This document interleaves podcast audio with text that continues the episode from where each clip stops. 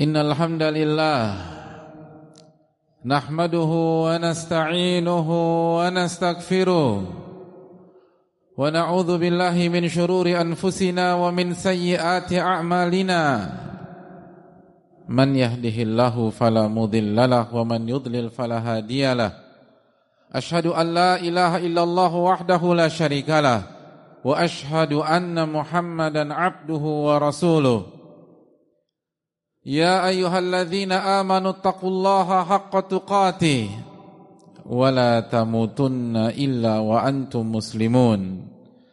يا أيها الناس اتقوا ربكم الذي خلقكم من نفس واحدة وخلق منها زوجها وبث منهما رجالا كثيرا ونساء. واتقوا الله. واتقوا الله الذي تساءلون به والأرحام إن الله كان عليكم رقيبا يا أيها الذين آمنوا اتقوا الله وقولوا قولا سديدا يصلح لكم أعمالكم ويغفر لكم ذنوبكم ومن يطع الله ورسوله فقد فاز فوزا عظيما وبعد معاشر المسلمين Tidak ada kata yang pantas untuk kita ucapkan di pembukaan khutbah Jumat kali ini kecuali kalimat meminta pertolongan kepada Allah Subhanahu wa taala agar Allah senantiasa menolong kita. Kalimat pertolongan kepada Allah Subhanahu wa taala agar Allah memberkahi kita, memberikan kita ilmu yang bermanfaat dan memberikan kita ketakwaan di dunia sehingga kita bisa bahagia di dunia maupun di akhirat. Sebagaimana marilah kita membuka khutbah singkat ini dengan memuji dan memuja Allah Subhanahu wa taala atas segala nikmat yang Allah berikan kepada kita. Nikmat yang kita tidak mungkin bisa hitung, tidak bisa kita kalkulasikan. Wa in ta'uddu ni'matallahi la tuhsuha. Dan apabila kalian ingin menghitung-hitung nikmat Allah, kalian tidak akan bisa menghitungnya. Ayat ini berlaku dalam kondisi normal maupun dalam kondisi pandemi. Wa in ta'uddu ni'matallahi la tuhsuha. Dan jika kalian ingin menghitung nikmat Allah, kalian tidak akan bisa menghitungnya. Oleh karena itu bersyukurlah kepada Allah Subhanahu wa taala. Karena bagi yang bersyukur dia akan mendapatkan janji Allah Subhanahu wa taala, la azidannakum. Aku akan tambah nikmat tersebut. Namun bagi yang melupakan nikmat tersebut dan lupa bersyukur kepada Allah Subhanahu wa taala, maka ia mendapatkan ancaman inna adzabi lasyadid. Ketahuilah azabku sangat pedih. Ma'asyiral muslimin yang semoga Allah muliakan. Sebagaimana marilah kita mengucapkan salawat dan salam kepada junjungan kita, Nabi kita, Rasul kita, Sayyidina Muhammadin sallallahu alaihi wasallam beserta para keluarga, para sahabat dan orang-orang yang istiqomah berjalan di bawah naungan sunnah beliau sampai hari kiamat kelak. Ma'asyiral muslimin yang semoga Allah muliakan. Dalam kondisi pada hari-hari ini semua sepakat. Kondisi ini tidak mudah bagi kita. Dan bagi banyak orang semakin memburuk, semakin memburuk dan semakin memburuk. Maka ada sebuah konsep yang harus kita camkan. Ada sebuah hadis Nabi Shallallahu Alaihi Wasallam yang harus kita baca, harus kita dengar dan harus kita resapi dan menjadi pegangan kita di antara pegangan-pegangan yang lain ketika kita mendapatkan kondisi tidak normal, kondisi sulit, kondisi berat, kondisi penuh ujian dan masalah seperti hari-hari ini. Ma'asyiral muslimin yang Allah muliakan. Dalam sebuah hadis yang dikeluarkan Abu yang dibawakan atau diriwayatkan oleh Abu Hurairah bahwa Rasul sallallahu alaihi wasallam bersabda, beliau berbicara tentang musibah di dunia. Beliau berbicara tentang ujian dan kesulitan. Beliau menyampaikan innal ma'unata ta'til 'abda minallah ala qadril mu'nah Sesungguhnya pertolongan itu datang kepada seorang hamba dari Allah Subhanahu wa taala. Pertolongan datang kepada hamba dari Allah Subhanahu wa taala itu tergantung mu'nahnya seorang hamba tersebut. Apa itu mu'nah hadirin? Mu'nah berarti kebutuhan. Sebagaimana mu'nah juga berarti syiddah, kesulitan dan ujian seorang hamba. Nabi kita SAW ingin menjelaskan kepada kita bahwa pertolongan Allah akan berikan kepada kita. Pertolongan Allah akan kirim kepada kita. Pertolongan Allah akan kasih kepada kita sesuai dengan kebutuhan kita dan sesuai dengan kesulitan kita. Sesuai dengan masalah-masalah hidup kita.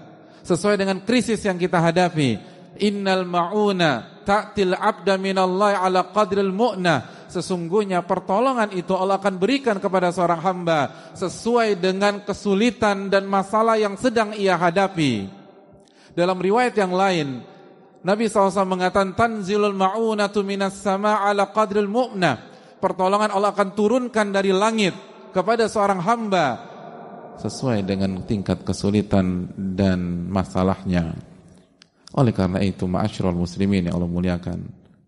Apabila masalah yang kita alami bisa kita deskripsikan dengan angka, lalu keluar angka 70 persen, maka pertolongan pasti 70%. Apabila masalah yang kita hadapi hari-hari ini 80%, maka pertolongan akan datang 80%. Pertolongan tidak akan datang 79,009% atau 79,9% lalu satu persen ketinggalan atau 0,1 persen ketinggalan.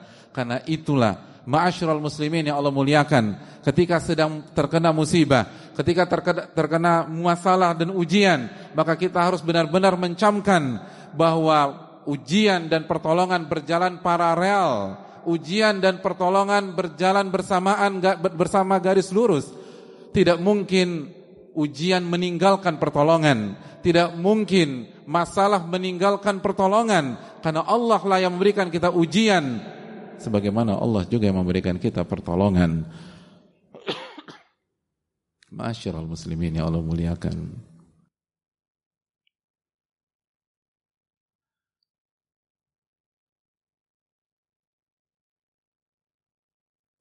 Intinya adalah ke mana iman terhadap hadis ini. Ke mana keyakinan kita? Karena hadis ini hanya untuk orang-orang yang percaya kepada Allah dan Rasulnya. Hadis ini hanya untuk orang-orang yang punya keyakinan kepada Robnya. Allah subhanahu wa ta'ala berfirman dalam hadis Qudsi, Ana inda dhanni abdi bi, in khairan fa khairun wa in syarran fa syarr. Aku tergantung prasangka hambaku terhadap diriku. Aku tergantung keyakinan hambaku terhadap diriku. Kalau keyakinan dan prasangkanya baik, maka akan baik yang akan terjadi. Apabila kita yakin pertolongan itu akan datang, maka Allah akan datangkan pertolongan. Dan sebaliknya, wa in syarran fasyar, kalau ternyata kita suudzon kepada Allah, buruk sangka kepada Allah, pesimis ketika menghadapi hari-hari ini, maka yang akan datang adalah masalah-masalah masalah berikutnya dan tidak ada solusi sama sekali. Wa in syarran fasyar, kalau buruk sangka, maka yang terjadi adalah keburukan.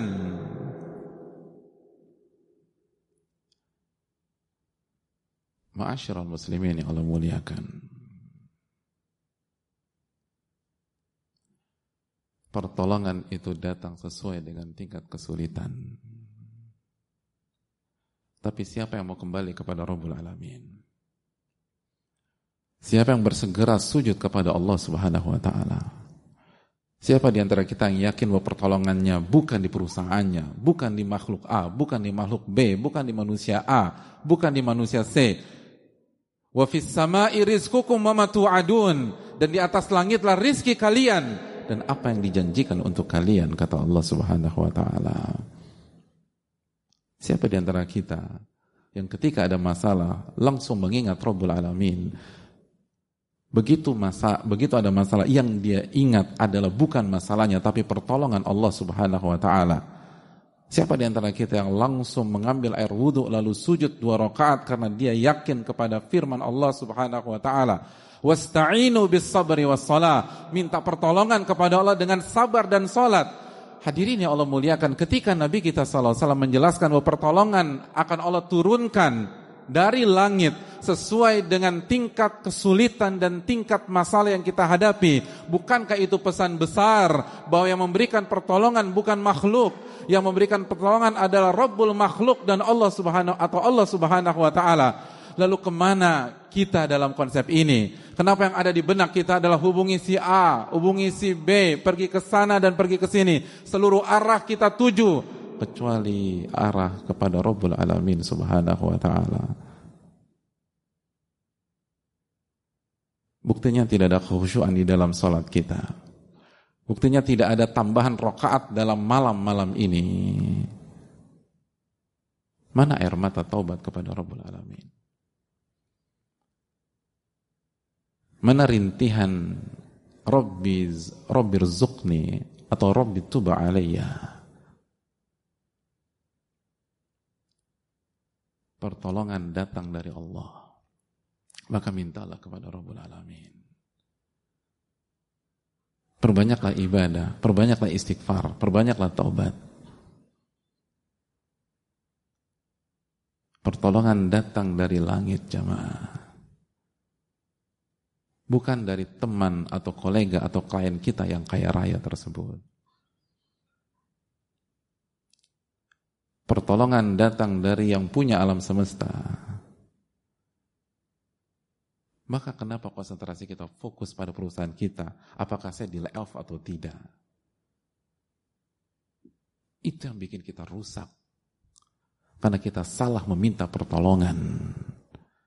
Karena kita meminta pertolongan kepada pihak yang tidak bisa kasih kita pertolongan. Urus dia, urus diri dia sendiri saja sibuk dan ribetnya minta ampun dalam kondisi pandemi seperti ini. Lalu kita ngemis-ngemis kepada orang-orang itu. Dan di waktu yang sama kita lupa mengemis kepada Rabbul Alamin. Walillahi mulkus samawati wal ard. Dan milik Allah kerajaan langit dan bumi. Ke mana ayat itu di dalam hati kita?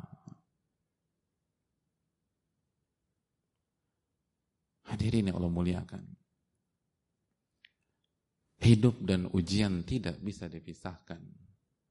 Kalau Allah tidak uji kita dengan pandemi, Allah akan uji kita dengan varian ujian yang lain. Allah Subhanahu wa taala berfirman dalam Al-Baqarah, "Am hasibatum an tadkhul jannata wa lamma ya'tikum mathalul ladzina khalau min qablikum?" Apakah kalian berpikir Anda akan masuk surga? Apakah kalian berpikir kalian akan masuk surga dan kalian belum mengalami ujian-ujian yang dialami oleh umat-umat sebelum kalian. Masathumul ba'sa wa dharra wa zulzilu. Mereka digoncang, mereka mendapatkan kesulitan, kesengsaraan dan mereka digoncang-goncang zulzilu. Mereka mengalami ujian seperti mengalami gempa bumi dalam kehidupan mereka. Zulzilu. Digoncang di atas ke bawah, kanan kiri, digoncang-goncang oleh Allah. Sampai Rasul pada saat itu dan orang-orang beriman bertanya kepada bertanya kepada diri mereka, mata nasrullah, kapan pertolongan Allah itu datang? Lalu Allah merespon, Allah inna nasrullahi qarib. Ketahuilah pertolongan Allah itu dekat. Pertolongan Allah itu dekat. Namun kita terburu-buru. Nabi SAW mengatakan, walakinnakum qawmun tasta'jilun. Oh. Nabi SAW bersabda, tapi kalian adalah kaum yang selalu ingin terburu-buru. Ibadah nggak ditingkatkan, tapi ingin keluar dari masalah tersebut. Para ulama mengatakan Anda ingin sukses tapi Anda tidak melewati dan menapaki jalan kesuksesan. Inna safinata lam tajri alal yabas. Perahu itu tidak berjalan di atas daratan. Pertolongan datang dari Allah. Itu sabda Nabi kita Sallallahu Alaihi Wasallam jika kita masih percaya dengan Nabi kita.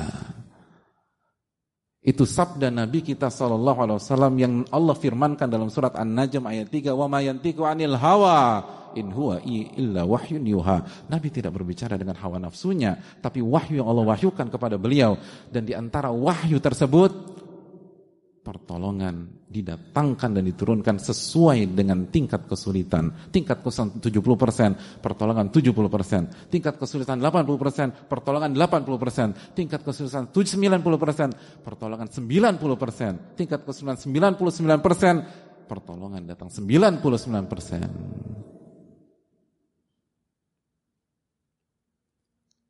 Fa'tabiru ya ulil albab.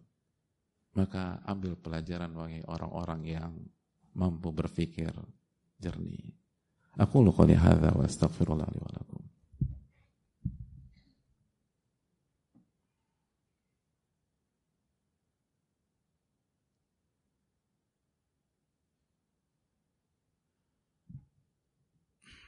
Alhamdulillahi hamdan kathiran tayyiban mubarakan fihi كما يحب ربنا ويرضى والصلاة والسلام على نبينا محمد وعلى آله وصحبه أجمعين Ma'asyiral muslimin yang Allah muliakan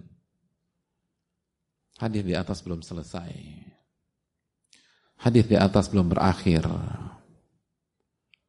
Karena mungkin ada di antara kita yang bertanya Bukankah pertolongan seringkali tidak datang bersamaan dengan datangnya masalah dan ujian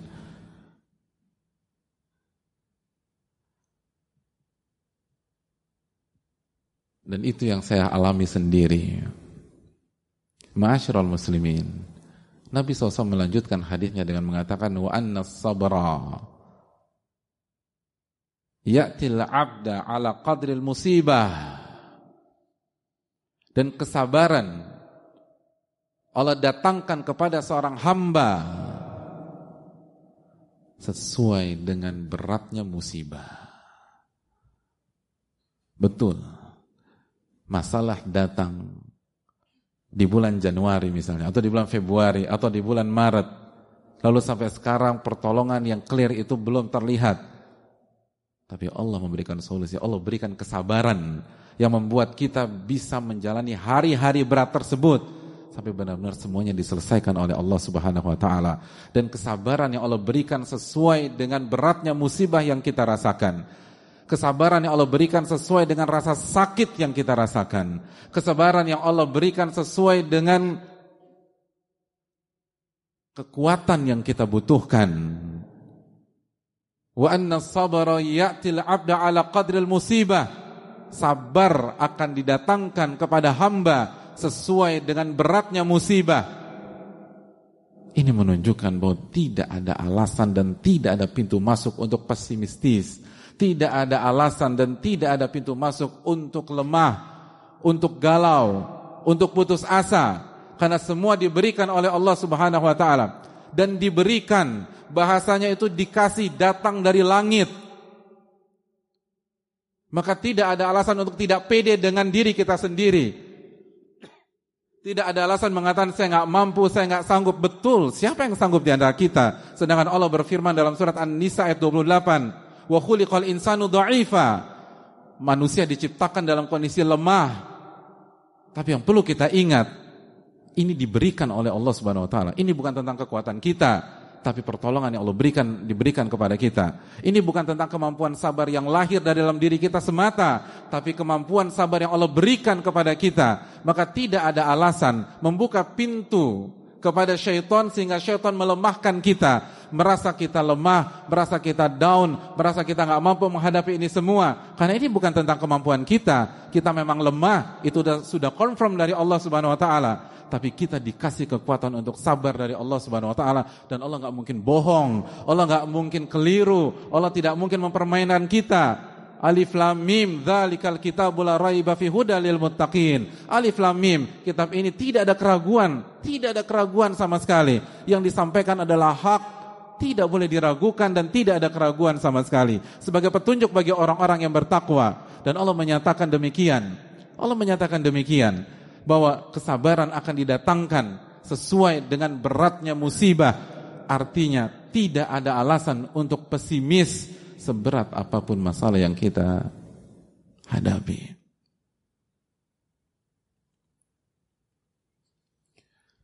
Dan jangan pernah buka pintu kepada syaitan. Jangan pernah buka pintu kepada syaitan. Karena seluruh pesimistis, seluruh pesimisme itu datang dari syaitan. Allah berfirman tentang syaitan di dalam Al-Baqarah ayat 268. Asyaitanu ya'idukumul faqra wa ya'murukum bil fahsya.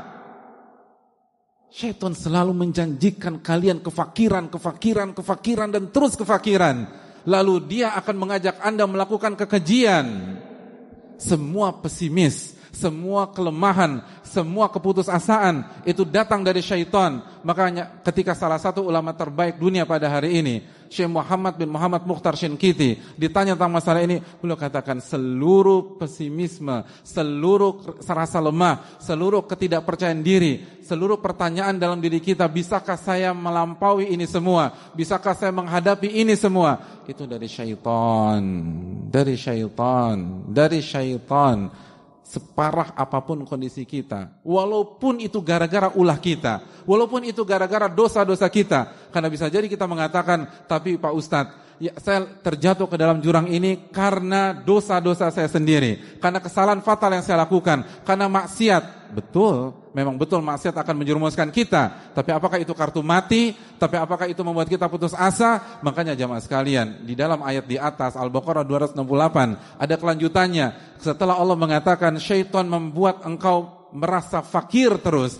dan menjanjikan kefakiran, kefakiran dan terus kefakiran. Allah lanjutkan, wallahu ya'idukum magfiratan minhu wa fadla.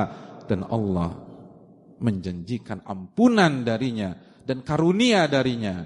Itu menunjukkan kalaupun kita dapat masalah karena kesalahan kita sendiri, jangan pernah putus asa, jangan pernah pesimis karena Allah menawarkan ampunan buat kalian. Yang menawarkan pintu buntu atau jalan buntu hanya syaitan, hanya syaitan dan Rob kita mengatakan hanya syaitan. Rob kita menawarkan ampunan dan karunia. Maka jalan mana yang akan kita pilih? mana ucapan mana yang kita percaya, bisikan-bisikan mana yang kita ikuti. Oleh karena itu jamaah sekalian, fa inna ma'al usri yusra, inna ma'al usri yusra. Sesungguhnya bersama kesulitan ada kemudahan, bersama kesulitan ada kemudahan. Dan Allah juga katakan dalam surat Talak, wa yaj'al ba'da usri yusra, wa yaj'alallahu ba'da usri yusra. Dan Allah jadikan setelah kesulitan kemudahan. Oleh karena itu, marilah kita meyakini sabda Nabi kita sallallahu alaihi wasallam dan tanamkan optimisme di dalam diri kita. Nabi SAW mengatakan, "Yu'jibunil fa'lu." Aku sangat kagum dengan optimisme. Umat Rasul sallallahu alaihi wasallam adalah umat yang penuh rasa optimis karena nabinya senang dengan optimisme dan beratnya ujian bukankah tanda cintanya Allah kepada kita?